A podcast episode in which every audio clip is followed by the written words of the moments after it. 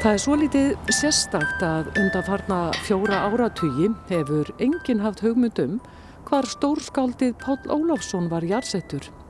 Vitað var að hann var lagður til hinstu kvílu hér í Hólavallakirkjugarði annan janúar 1906 en þeir sem vissu hvar í garðinum var grafin eru löngu farnir yfir móðuna miklu.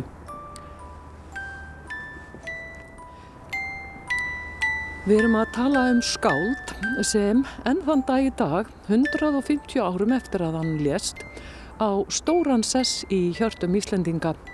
Á hverju ári hlusta Íslendingar á vísur hans, ekki síst þær sem að bóða komu vorsins hér á norður hjara veraldar. Páll vakti aðtegli fyrir hveðskapsinn og hann hefur verið nefndur hitt eina sanna skáld ástarinnar í íslenskum bókmyndum. Talið er að hann hafi orrt alltaf 500 ástarljóð til Ragnhildar Björstóttur konu sinnar. En gröf Páls og Ragnhildar sem Jarsett var í sömu gröf og hann lungu síðar er fundin. Leitin að gröfinni á sér nokkuð sérstaka sögu sem við heyrum í dag. Hér í Hólavallagarði hefur lítill hópur fólks mælt sér mót til að fara yfir ótrúlegar niðurstöður ansóknar Ármanns Höskuldssonar, eldfjallafræðings, sem á samt starfsmanni sínum fór með jarsjá yfir nokkur ómert leiði í gardinum og þeir fundu kistur Páls og Ragnhildar meir en hundraða árum eftir að þau voru jarsett hér og ykkur er óhætt að velta fyrir ykkur hvernig í ósköpunum var hægt að þekka í kirkjugarði eina líkistu frá annari á jarðsjármyndum Ármanns. Ármann verður hér í gardinum og líka Ágúst H. Bjarnason, grasafræðingur sem er frændi Páls, afkomandi Jóns hálfbróður hans. Við hittum líka Ástísi og Hildi Kalman, langafa börn Páls og Heimi Janusarsson um sjónarmann Hólavallagarðs. Jón Benedikt Guðlöksson, sveitungi Páls Óláfssonar kemur líka við sögum og hann ljær Páli rött sína þegar hann les ljóðinans. Hugmyndina um að nota jarðsjá til að finna gröfina fekk Ágúst sem hefur leitað að gröf Páls í nokkur tíma. Það, hann var í hávegum hafður á heimili mínu, var bensku heimili Ég held að ljóðabók Páls hafi bara alltaf leigið frammi. Það var faði minn sem hafi mikið dálat á honum. Og þannig að ég er eiginlega alin upp við vísur Páls. Og ég, ég ætla nú ekki að vera að hæla mér sérstaklega af því en, en hérna ég lærði alveg ógrinni vísna. Og mér er sagt að ég hafi verið látin fara með skammavísur þegar ákveðni menn kom í heimsókn. E, mér ráma nú í það að Herman Jónarsson kom einu sinni, e, Herman Jónarsson ráð þeirra kom einu sinni heim og þá var ég látið að fara með nýðkvæði um mann sem að Hermanni var ekkert vel við og það fjalli góðan í arðveg. Gakk þú bjarni, lagða leið, lífs og döður, góðs á mis, andskotinn þér skell á skeið og skili þér loks til helvítis. Þú myndi kynna mig sem Jón B. Guðlöksson, uh, flugþjón og dasgrágerðamann og þýðanda. Bál Ólásson var sveitungi minn, við erum báðið seðfyrðingar.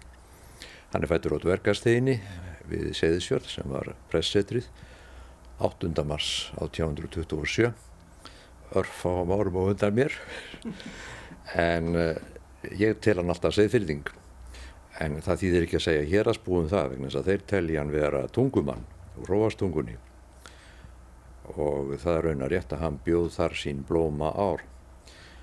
Pál hefur alveg sérstöðu vegna þess að þegar ég var lítill strákur þá uh, kunni svo kynnslóð sem ól mig upp hún kunni, kunni öll skil á Páli Ólafsinni og hún dyrkaði hann menn kunnu lausavísunar hans, það var ekki svo samkoma á héræði og í fjörðum ekki væri sungin allavega lög við tvo eða þrjá texta eftir Pál og hann var héræðs fleigur þegar ég var strákur og er vonandi enn Þótti þér vænt um hann? Já, Það, það dugir bara að lesa á Blessavertu Sumarsól til að láta sér ekki að vænt um Pál.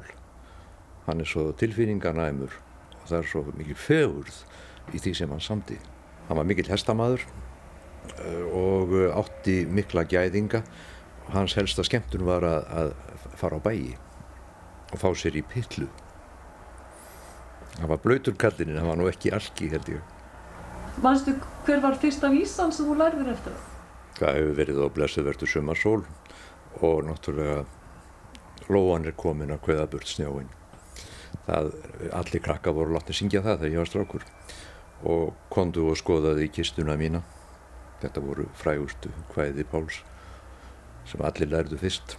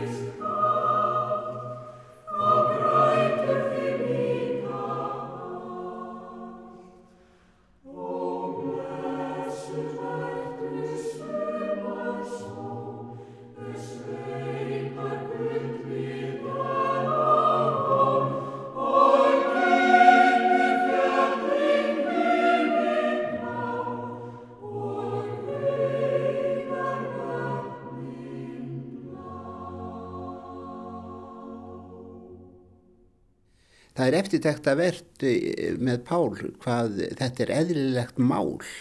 Það er aldrei neitt svona knúsað hjá honum. Það er eh, allt svona eins og bara mælta munni fram og það er viss eh, kunst að gera það. Heldur að það sé þess vegna sem hann hafi náð svona vinsældum, eins og kannski flestir þekkjan og þó ég veit ekki hvernig það er, en held, að hann hafi verið freka vinsæl að hann hafi sko náð til fólks, náð til allra. Já, já, það held ég meðal annars vegna þess að, að þær voru svo líprar, eh, vísutnar hans, mm. alveg einstaklega líprar og svo var það nú það líka að hann orti alltaf að, við ákveðin tilefni sem var kannski fréttnæmt og þá flugu vísurnar hans uh, víða og voru auðlærðar flestar. Hann var talandi skáld. Það þýðir það að hann gætt svarað í ljóðum. Það, svo, það gekk svo saga þegar ég var strákur að hann hefði komið í Stefánsbúðina heima á Seyðisvíð, það var eina stærstu veslun Östurland sem hans daga. Og hann bað um högl. Og hvernig var nú fyrirparturinn sem að agriðslumadurinn varpaði fram?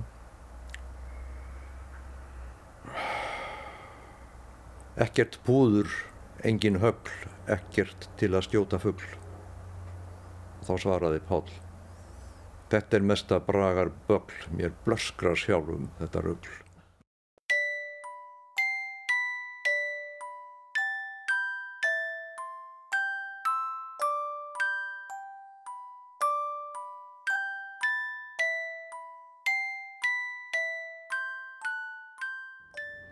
Við erum hér við stóran kross sem markar leggst að Guðrúnar Ottsdóttur, vöku konu Hólavallagarðs.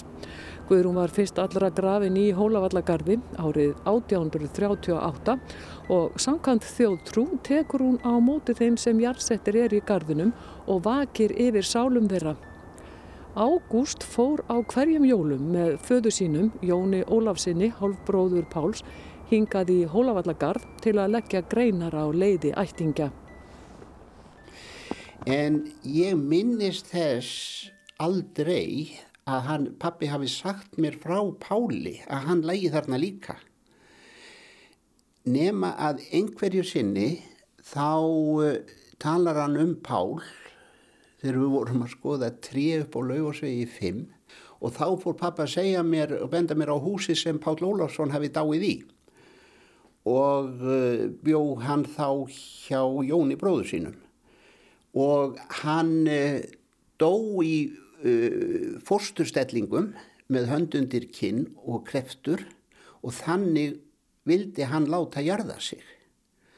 Þannig að kista hans var miklu stittri og breyðari en aðra kistur og það er eftir þetta verta þegar að uh, útför hans uh, fer fram annan uh, janúar 1906 þá er farið með kistuna beint upp í garð en hún ekki borin í domkirkjuna þar sem að Þórhallur biskup jarðaðan.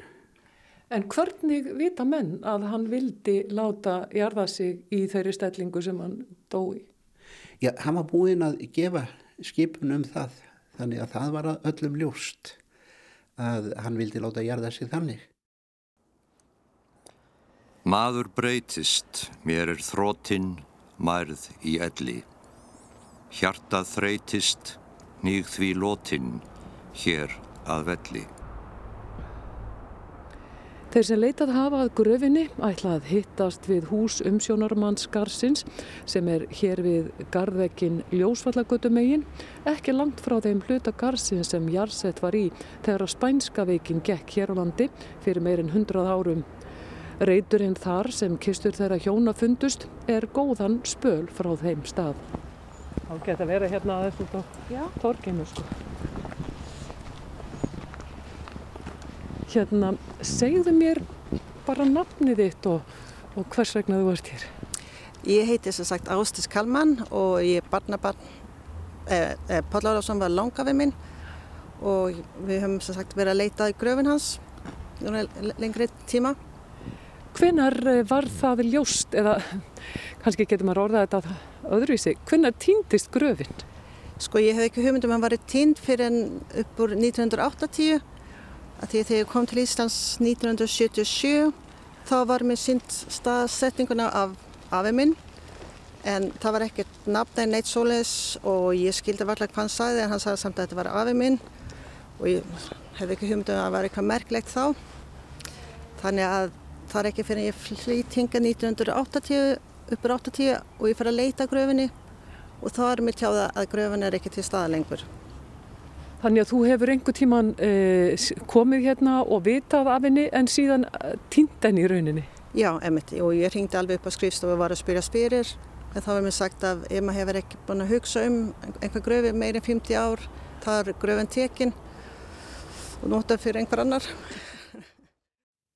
Hort ég hveðum fann hvít fjöll fögnuð minn eða harminn sára, eða blómstrum búin völl, brun eða unun minna tára, hveð ég mér til hugar hægðar, en hvorki mér til lofs ég fræðar. Þegar síðan þig ég finn, þú mér hvæða launin gefur, handleggjunum hálsin minn, hvítum þú og mjúkum vefur. Þegar sætast samt að heyra, segja, kistu meira, meira. Hvæðalaunin kýs ég mér, kossa var að þinna og að lesa úr augum þér efni vísna minna.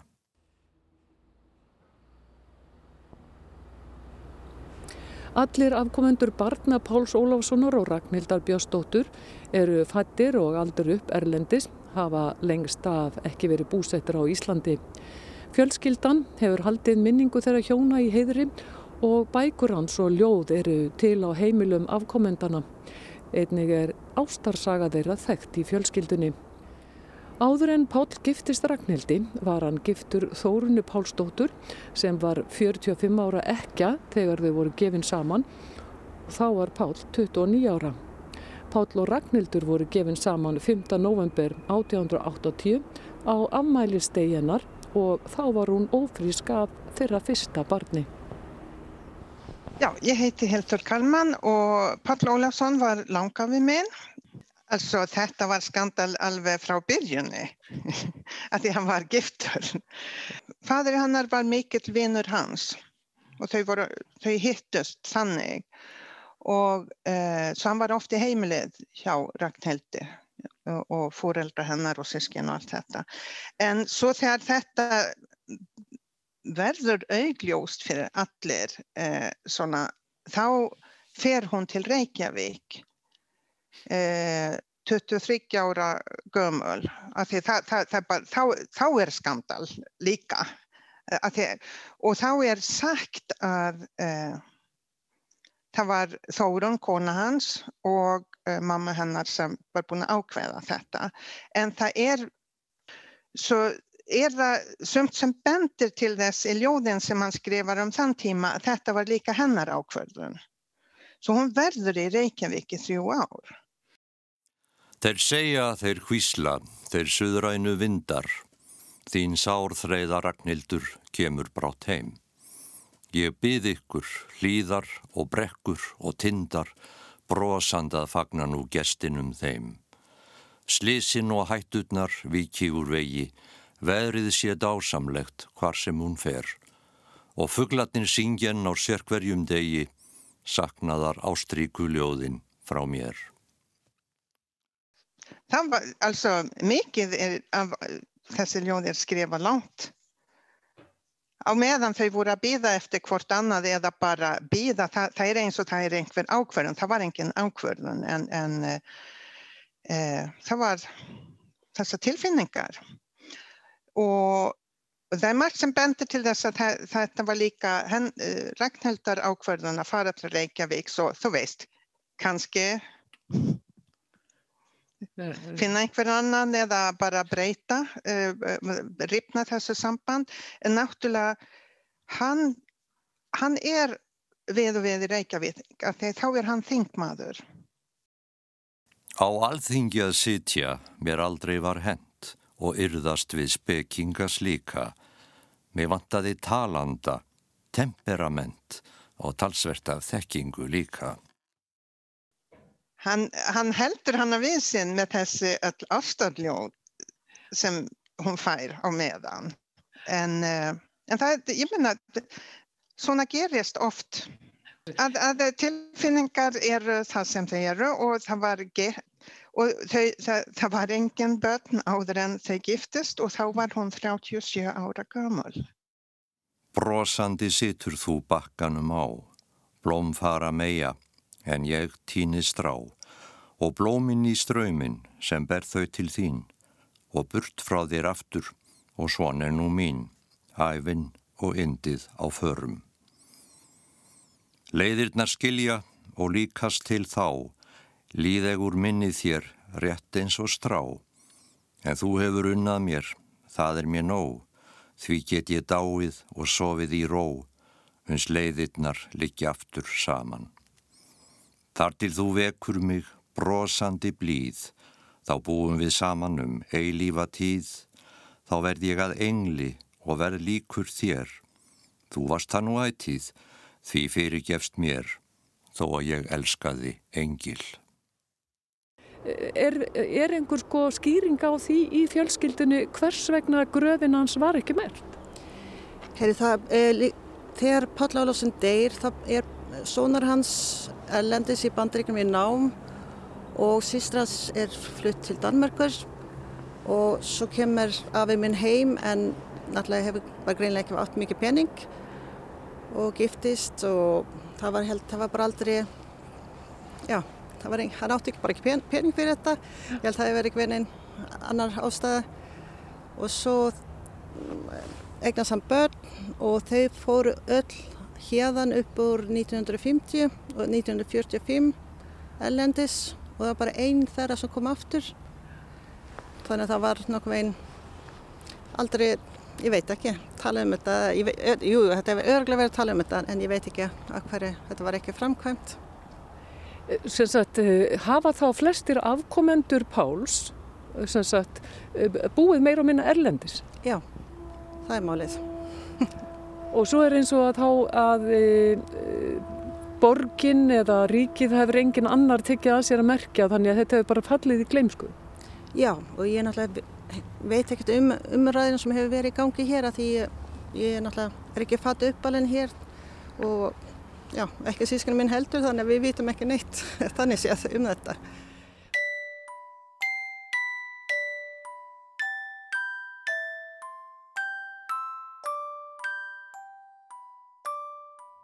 Ragnhildur flutti aftur heim til foreldra sinna árið 1869 eftir að hafa dvalið í þrjú ár í Reykjavík. Henni hefur augljóslega ekki tekist að gleima Páli ef það hefur verið ætlunennar. Hann held áfram að yrkja til hennar á meðan hún bjóðar og áfram eftir að hún var aftur flutt heim til foreldra sinna. Þar bjóð hún þanga til Þórun fyrir kona Páls lést í mars 1880. Átta mánuðum síðar í november sama ár eru Páll og Ragnhildur orðin hjón. Þá er Páll 53 ára og Ragnhildur 37 ára. Flest ljóðinn til Ragnhildar eru samin á þessum 17 árum á meðan hún beigð og eitt af þeim ljóðum er Álfur Lilli eða vistu ekki að það er Baldusbrá.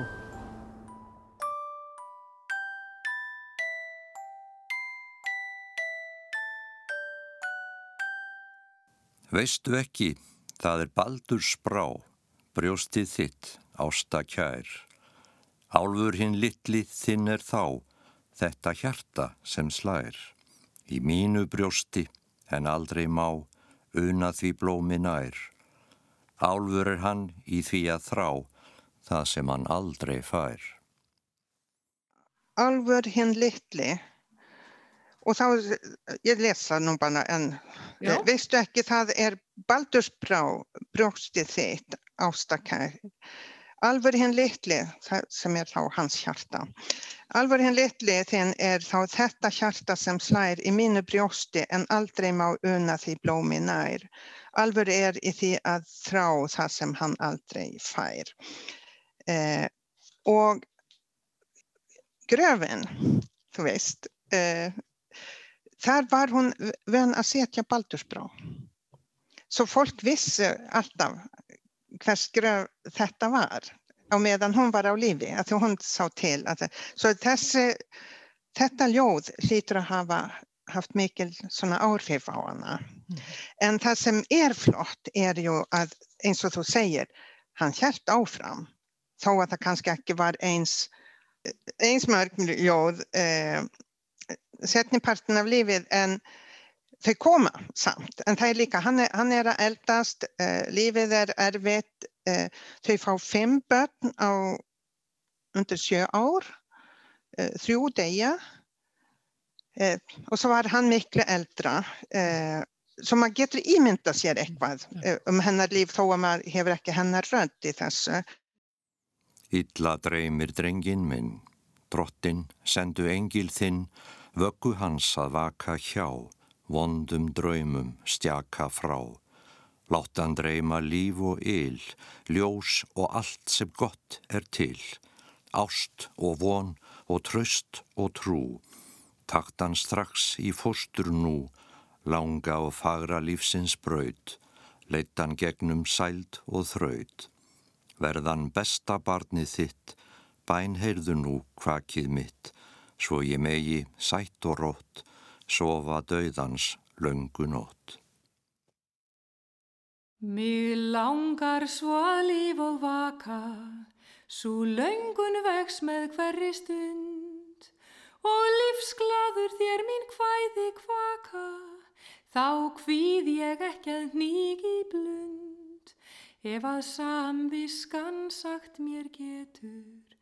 Seinast þegar ég andan dreg, Konu sína enginn kisti betur, né hvað um hana líkt og ég.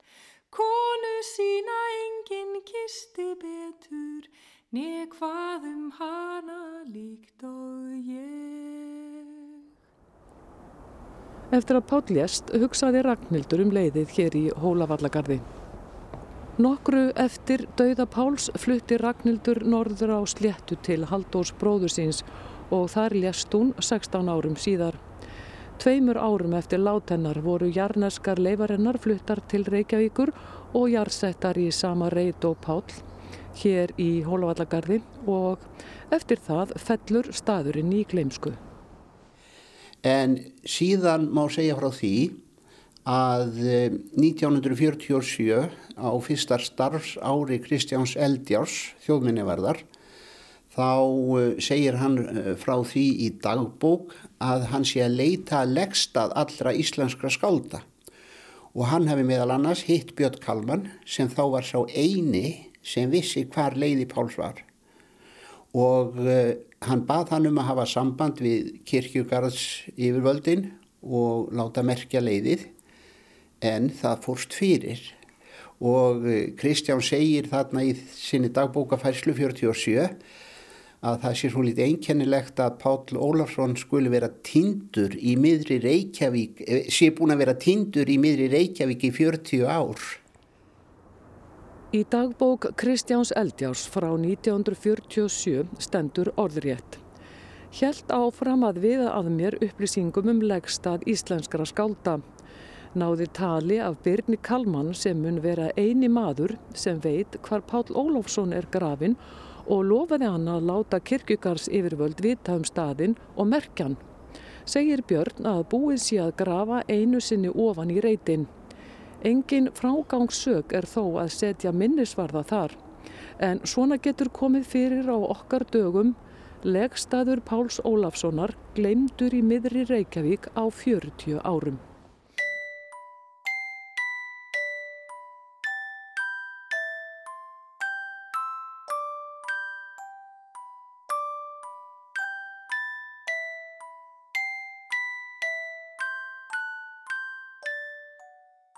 Hver byrjaði að leita?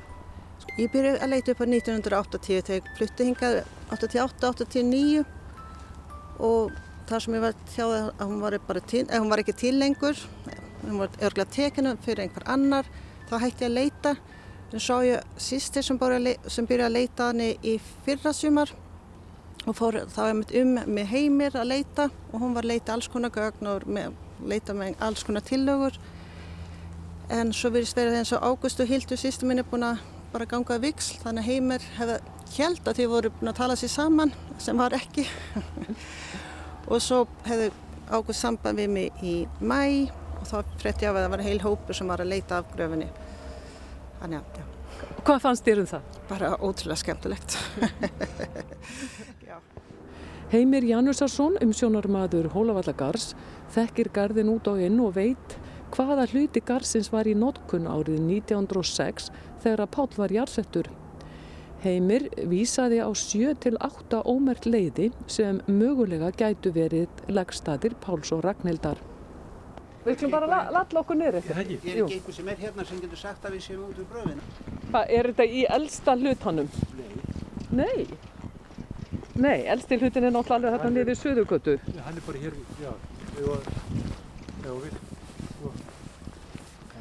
vil hlutar sem var grafið 1912 Það sem hjálpa okkur við að finna hvar ætti að skanna er að þessir í miðjupartu sem er frá 1838 og svo 1869 er stækkar til vesturs og svo 1923 er stækkað hér og þá segir heimildur hann að vera orðin þjætt grafin og orðið að stækkan til austurs. Þannig að við gáttum fókusverað alveg á þennan part og útiloka allt hitt.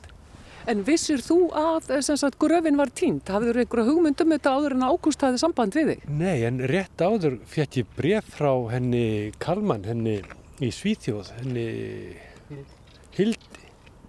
Og ég held að ágúst og þau væru í sambandi og þau var að leita að standa saman að þessar leita. Þau vissu hvort að hinu sko. að vera að leita.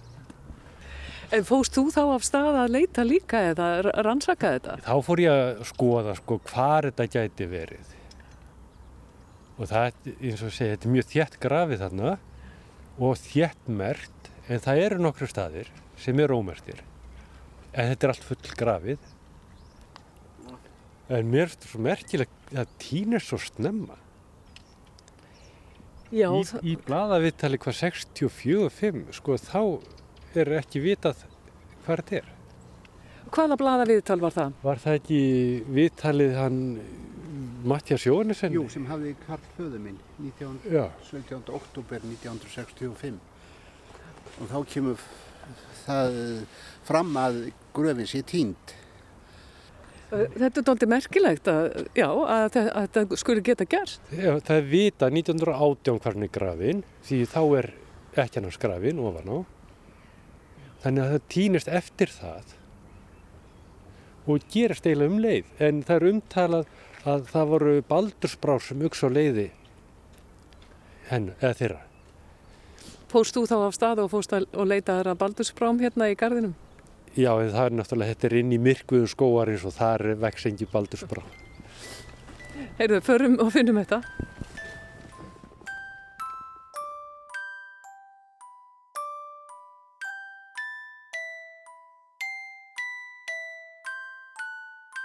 Já, ég er Ármann Höskuldsson og ég er eldfjallafræðingu í Jærvistustofnun Háskóla Íslands. Við erum hérna í Hólavalla kirkjugarði og uh, mér skilt að þú hafi fengið doldið sérkennlegt verkefni hérna. Segðu mér bara frá bara fyrsta símtalinu sem þú fegst. Já, ég var nú bara, uh, þeir nálguðust mig og, og, og því þeir höfðu heyrt af því að við erum með svokallega jarðsjá sem er svona radar sem sendir ramaspilgjur honi í jörðina og, og það er endur kastast af því sem er ofan í jörðinni og, og út frá því getum að ráði svona jarlaga skipan, við notum það náttúrulega í það að skoða jarlaga skipan og Og ég svona, jú, jú, við, þetta er náttúrulega miðju COVID og allt það og bara ágætt að fá eitthvað verkefni og við fórum hér, ég á svona doktorsnöfa mínum, fórum hér út og skoðum þrjá staði sem að þeir grunnuðu og mælum með því að fara í jarsjóna yfir og, og, og þá semst, fáum við gögg sem við síðan þurfum að vinna í tölfunni inn í, inn í, upp í háskóla og, og, og út úr því getum við ráðið svona hvað, hvað megi greina, sko. Hvað sko hérna, uh, hvernig var þið við þegar þú færð uh, þessa beðinni að fara í kirkjugarð með Jarsjá? Það var eh, bara allt í lagi. Ég, jú, ef hún kemur á nótum og verkefni var skemmtilegt að leita Pálið sem er eiginlega týndur og týndur og grafin. Og þannig að það var bara skemmtilegt að fá svona, já, fá svona beðni og, og, og sérstaklega því að við erum náttúrulega inn í þessu aðtapna leysi sem að fylgdi þarna COVID-19 í vor og, og bara ágætt ástæði til þess að fara út og, já, já, þe- þetta var bara mjög skemmtileg beðni. Þögulnóttin þreytir aldrei þá sem unnast. Þá er á svo margt að minnast, mest er sælan þó að finnast. Eilíf sæla er mér hver þinn andardráttur og ímist þungur, ímist léttur, ástarkoss á vari réttur. Hvítum, mjúkum, heitum, fögrum handleggjónum vil ég heldur vafinn þínum vera en hjá Guði mínum. Guða sök mér gefur ei sem góðum manni, önun þó ég fremsta finni í faðminum á dóttur sinni. Sko hér eru á svæðinu, hér eru nokkrir ómertir reytir sem við veðjum á. Það sem eiginlega, eins og sér, þetta er allt mjög þétt grafið og ekki eins og almennileg stígar á milli. En þá voru skannaði fjórir eða fimm breyðir reytir sem við svona veðjum helst á. Og hvaða reytir voru það sko, sem, að, hva, hva, sem að voru skannaðir? Það er, hann er bara hérna handa við hennar kvíta við stígin hérna. Já. og var þetta svæði hér? og síðan hér reyturinn fyrir framann Jón Ólafsson, bróður Páls sem er hér. Hér er auður. Reytur, ómertur og hérna fundið það.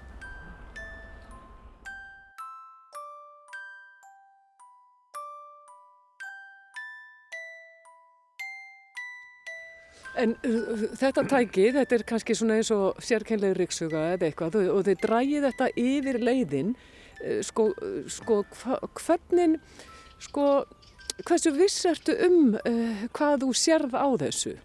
Sko, það sem við, við sjáum náttúrulega, fyrst og fremst sjáum við jarðrask, það er náttúrulega alveg klárt. Við sjáum hvort það er búið að gera eitthvað, sjálfsögðu er náttúrulega, ef það er gröf, þá er náttúrulega búið að grafa hún í jörðina og svo leiðis og, og það sjáum við tiltrúlega auðveldlega, sko. Í þessu verkefni að, að, þá hafði Páll beðið um að vera grafin í mjög sérstökum stellingum og sem gerði kistuna hans mjög sérkennilega, svona miður vennilega kistur. Og að því leitinu til var svona kannski verkefni gerlegt. Því að öðrum kosti hefði það ekki verið þá hefðu við náttúrulega bara séð útlínur á vennilegum kistum og það er ekki tækt að ráða neitt út úr því hvort að, hvort að hérna, hann sé þar eða ekki. Og, og hér í Hólafallkirkjugarði náttúrulega er margir staðið þar sem hefur grafið oftar en einu sinni og allt það sko. Þannig að sko markmiði náttúrulega með, því, með þeirri vittneskju að kistan ætti að vera öðruvís heldur en venjulega kistur og þá semst er náttúrulega gerlegt að fara með svona tæki því að tækið sér sko afbreyðileika núna í jörðinni. Við sjáum náttúrulega ekki bein eða neitt svo leiðis en við sjáum ekki heldur kisturnar sem slíkar en við sjáum útlínur sem að gefa til kynnað hvernig hlutirnir eru sem eru onni í jörðinni.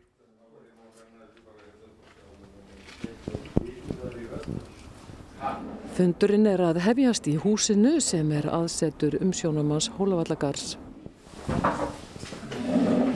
Þetta var bara mjög gaman. Einungis er plás fyrir eitt borð og kaffivél þar inni en þröngt mega sáttir sitja og allir eru með grímur að sjálfsögðu. Já, og blessaður. Ármann Höskuldsson, jarðeilisfræðingur, kom með tölvuna sína og opnar hana til að sína myndirnar úr jarðsjáni. Myndirnar eru nokkuð flóknar. Sko, hún getur, við getum náttúrulega reynd að nálgast það, en það er náttúrulega óviss að, sko, við fáum ekki alveg, við sjáum ekki fjallnar, sko. Við sjáum bara raskið, sko, þess að við ætlum að sína ykkur hérna, það er þetta, og við meldum náttúrulega hérna í vor, þrjár grafir, og það sem við gerum náttúrulega fyrst, sko, að það, þetta er tölvöld flóki að vinna úr gögnunum, tekur svolítið mikið tíma og allt það, Þannig að það sem við ákvæmum strax að gera er að gera bara fyrst svona hraðvirka vinslu til að sjá hvort það sé eitthvað sem gefur ástæði til þess að vinna gögnum betur og eitthvað slík. Og uh, síðan semst út frá því þá sáum við náttúrulega að það var hérna eitt staður sem var fyrsta gröfun sem við fórum í að hún er afbreyðileg miða við hinagrafinnar og þar leðandi var eitt mestum tími að vinna það. Ég myndi segja sko það er allavega 90% líkur á hans í þarna. Það er alveg, sko, kassalega kista er þarna. Það er meir en 100% líkur á því, sko. Stíli, það er alveg klárt. Og ef að kassalega kistur voru ekki algengar á þessum tíma, þá, þá er þetta engin spurning, sko. Það finnst mér, sko, ég get ekki séð það.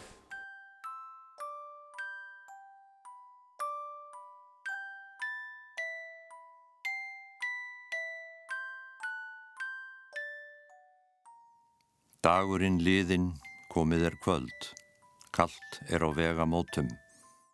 Þessi skulda gömlu gjöld gjalda allir hljótum.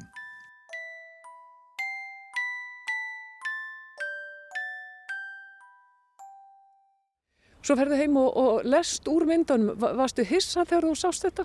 Já, við vorum það eiginlega og sérstaklega kannski að því að þessi fyrsti staður sem við fórum á þar sem þeir voru nú eiginlega samfæriðstur um og þar kemur alveg skýrt fram sko eh, fyrsta lagi náttúrulega jarraskið, það er náttúrulega alveg klárt og það kemur fram jarrask þannig að það er klárlega búið að vera í gröfin oftar en einu sinni það er náttúrulega í sjálfum sér hefði ekki átt að vera neitt uh, merkilegt ekki í þessum kirkjugarði þar sem er búið að grafa fólk oftar, marg oft oftar en, þetta er ekki sama fólki heldur, heldur eru menn að nýta plásið og en síðan náttúrulega fórum við að sjá það að það er svona Þegar, að þetta tekur smá tíma, við tökum marga línur yfir gröfina og svo er þess settar saman, það þarf að reynsa þær og, og allt saman og svo er þessu öllu steift í svona þrýviðamódel þannig við getum horta á bara breytinguna frá yfirborði og í jörðina og við sjáum strax á svona cirka bát réttu dýpi byrja að koma fram eitthvað form og annars vegar kemur fram ílangt form og svo hins vegar frekar kassalega form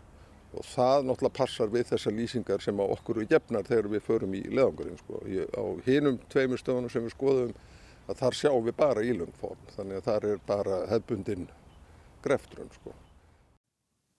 Hernaleysi er mikið mein og mörgu vil ég gleima. Tilfinningin eftir einn unir hjá mér heima. Hérðan af úr hjarta mér hún mun varla slitinn Þau hafði af litla rosa sér hinn skilningar vitinn. Hér kom í ljós kassalaga kista sem sker sig úr öllum öðrum. Kassalaga kista hér á miklu dýpi og önnur kista þar ofan á sem að öllum líkindum er þá ekki að Páls, Ragnhildur Björnstóttir. Og er bróðir hans jársettur þarna já, réttstjóri, já, þannig að þetta er, þetta er eiginlega fjölskyldu grafiríturinn? Já, þegar ég segi, hann er 1918, 16 og þá er þetta náttúrulega einis reytur sem er laus í gardin, það er þetta svæði sem er verið að grafa í þá. Þannig að af hverju var hann grafin hér? Að það var af því að Páll var hérna. Já, já. Ég hef ég, alveg, ég hef alveg skoðun á því sko það er. Finnst þér þá þetta að vera uh, alveg sönnun fyrir því að þarna hafi verið jarðaður eða sett grafið niður kassalaga kista. Þú, þú, þetta er, er þetta staðfesting á þessari sögu á þínu mati? Sko, hún getur náttúrulega ekki verið staðfesting nefnum við grafum upp, sko. Það er bara þannig einn.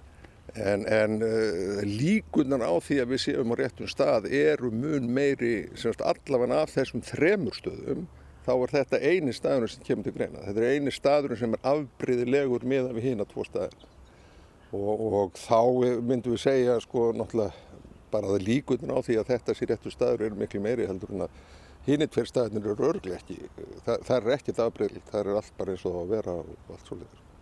En, en eh, svo veit maður náttúrulega að menn fer að skoða fleiri staði og hvort að fleiri hafi verið grafnir í sambarilegri stellingu og hvort að það hafi verið algengt á þessum tíma að menn væru með séróskýr um uh, legu, hinstu legu og allt það.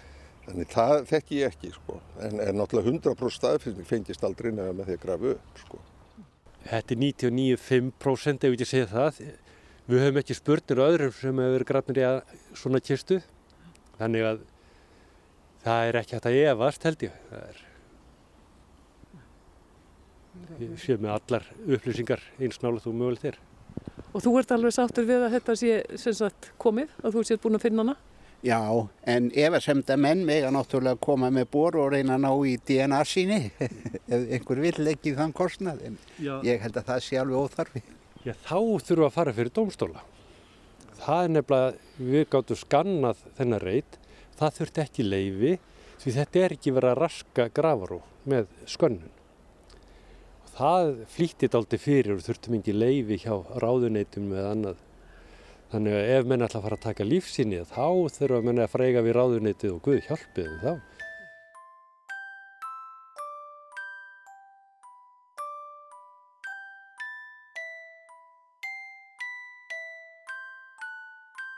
Hvað segir, nú orði, varst að koma af þessum fundið hérna með þeim og varst að skoða jarðsjármyndirnar. Hvað þessir um þetta? Mér finnst bara alveg ótrúlegt, bara ótrúlegt hvað teknin getur gert og, og bara, já, bara mjög þakklátt líka, virkilega. Ertu alinu við uh, vísurans og ljóð uh, að langaða þýns?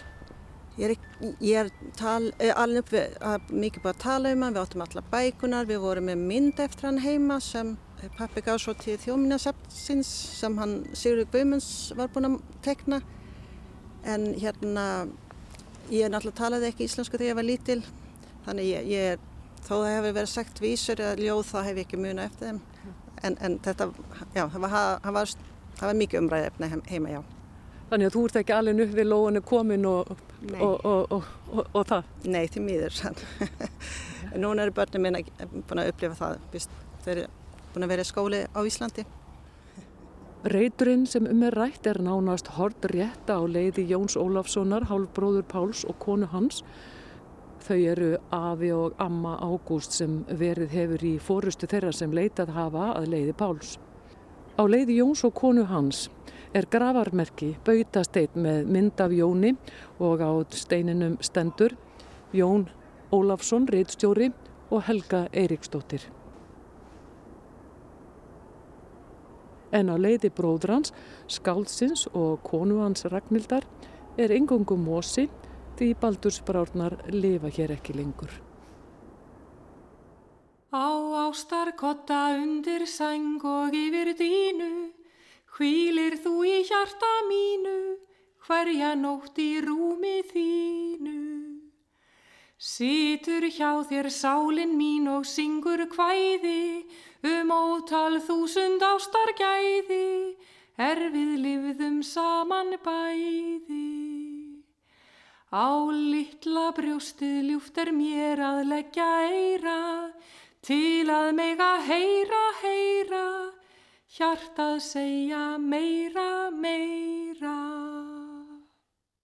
Við höfum í hyggju að reysa hér gravarmerki og höfum fengið Þór Sigmundsson, steinsmið, til þess að gera tillögur að slíkum merkjum og uh, síðan ætlum við að reysa þetta hér og, og, og heidra minningu Páls og uh, konunar Ragnhildar. Hópurinn gerir sér nú vonur um að sett verði á leiðið veglegt gravarmerki svo að allir sem eiga leið hér um geti séð að þarna kvíla stórskáldið Pál Ólafsson og kona hans Ragnhildur Björnsdóttir og ef til vill vilja Íslendingar gera sér ferð í gardin til að skoða staðin og votta skáldinum sem kvatti lóuna til að kveða burt snjóin virðingu sína. Vertu órætt þótt vangin þinn sé fölur, allt til döðans ástinn mín, elli mörkin hylur þín.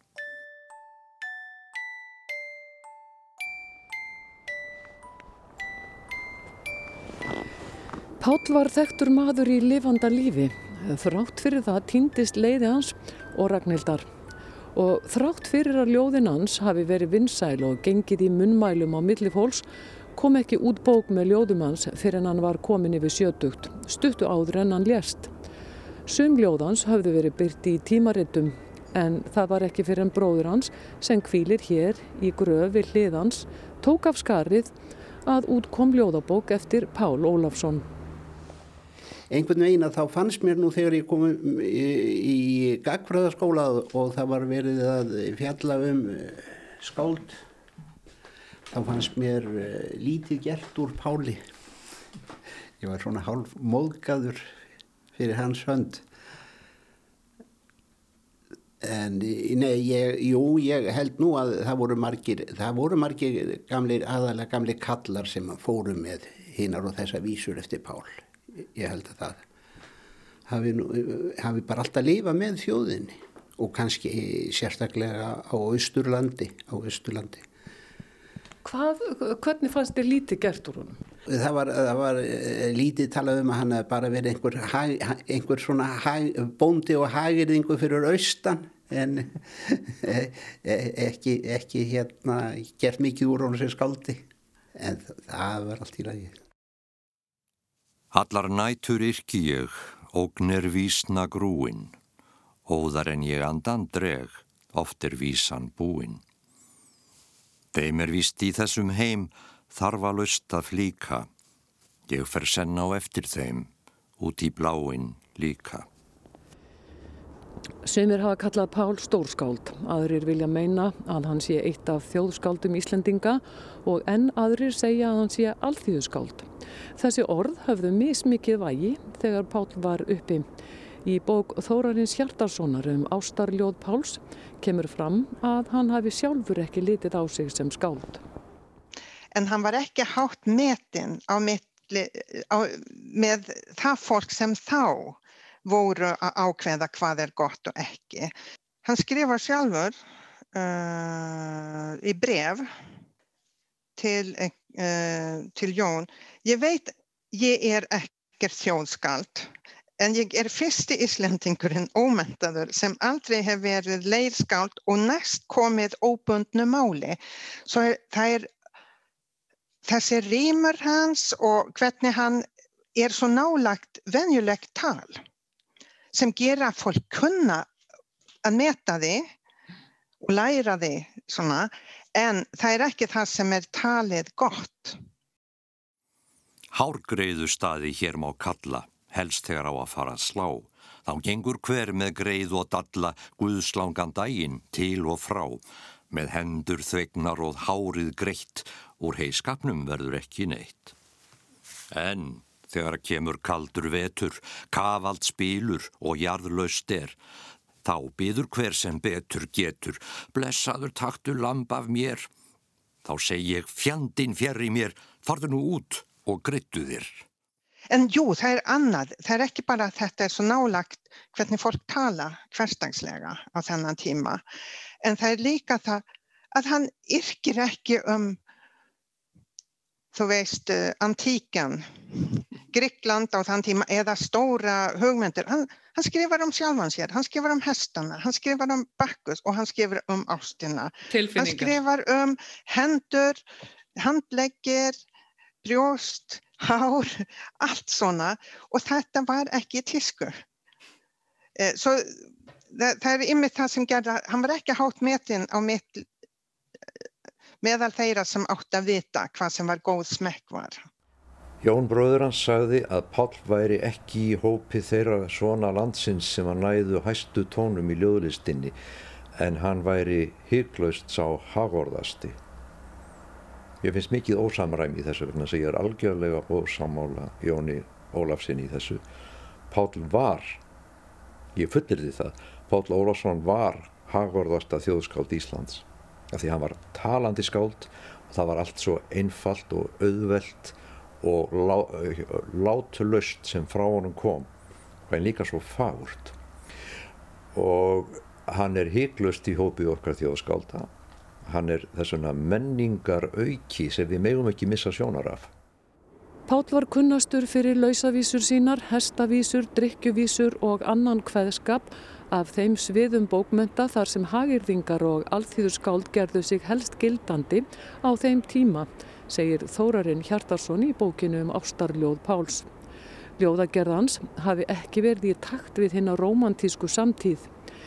Mattias Jokkumsson skrifaði til Hannesar Hafstein árið 1899 um Pál að Auðmingja Pál Ólafsson hefur látið bróður sinn ginna sig til að gefa út öll sín verk hverra líklega lítill hluti hefði átt að prentast. Karlin er leirbulla nema sem augnabliks improvisator í arslum og gáska.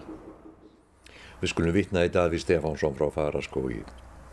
Íslandingar einskís meta alla sem þeir geta.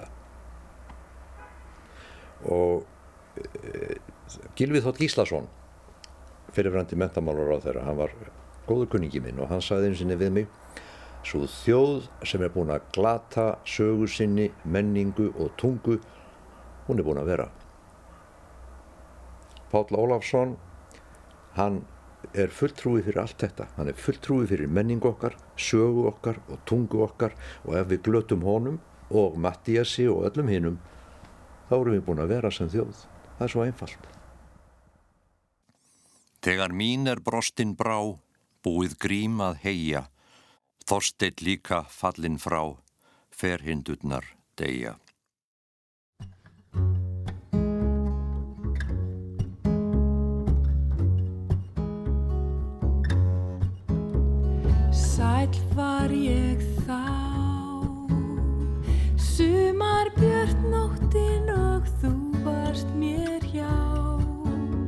Svo saklaus og fögur sem rós varstur júð. Mig reyfaðir örmum, þú varst mér svo góð. Ég mann hvað þú kistir, þú kistir Sæl er ég enn. Af sömu ég ástinni loga og brönn Komið að í logan og brendu hjá mér. Æ, komdu mig þyrstir, mig þyrstir.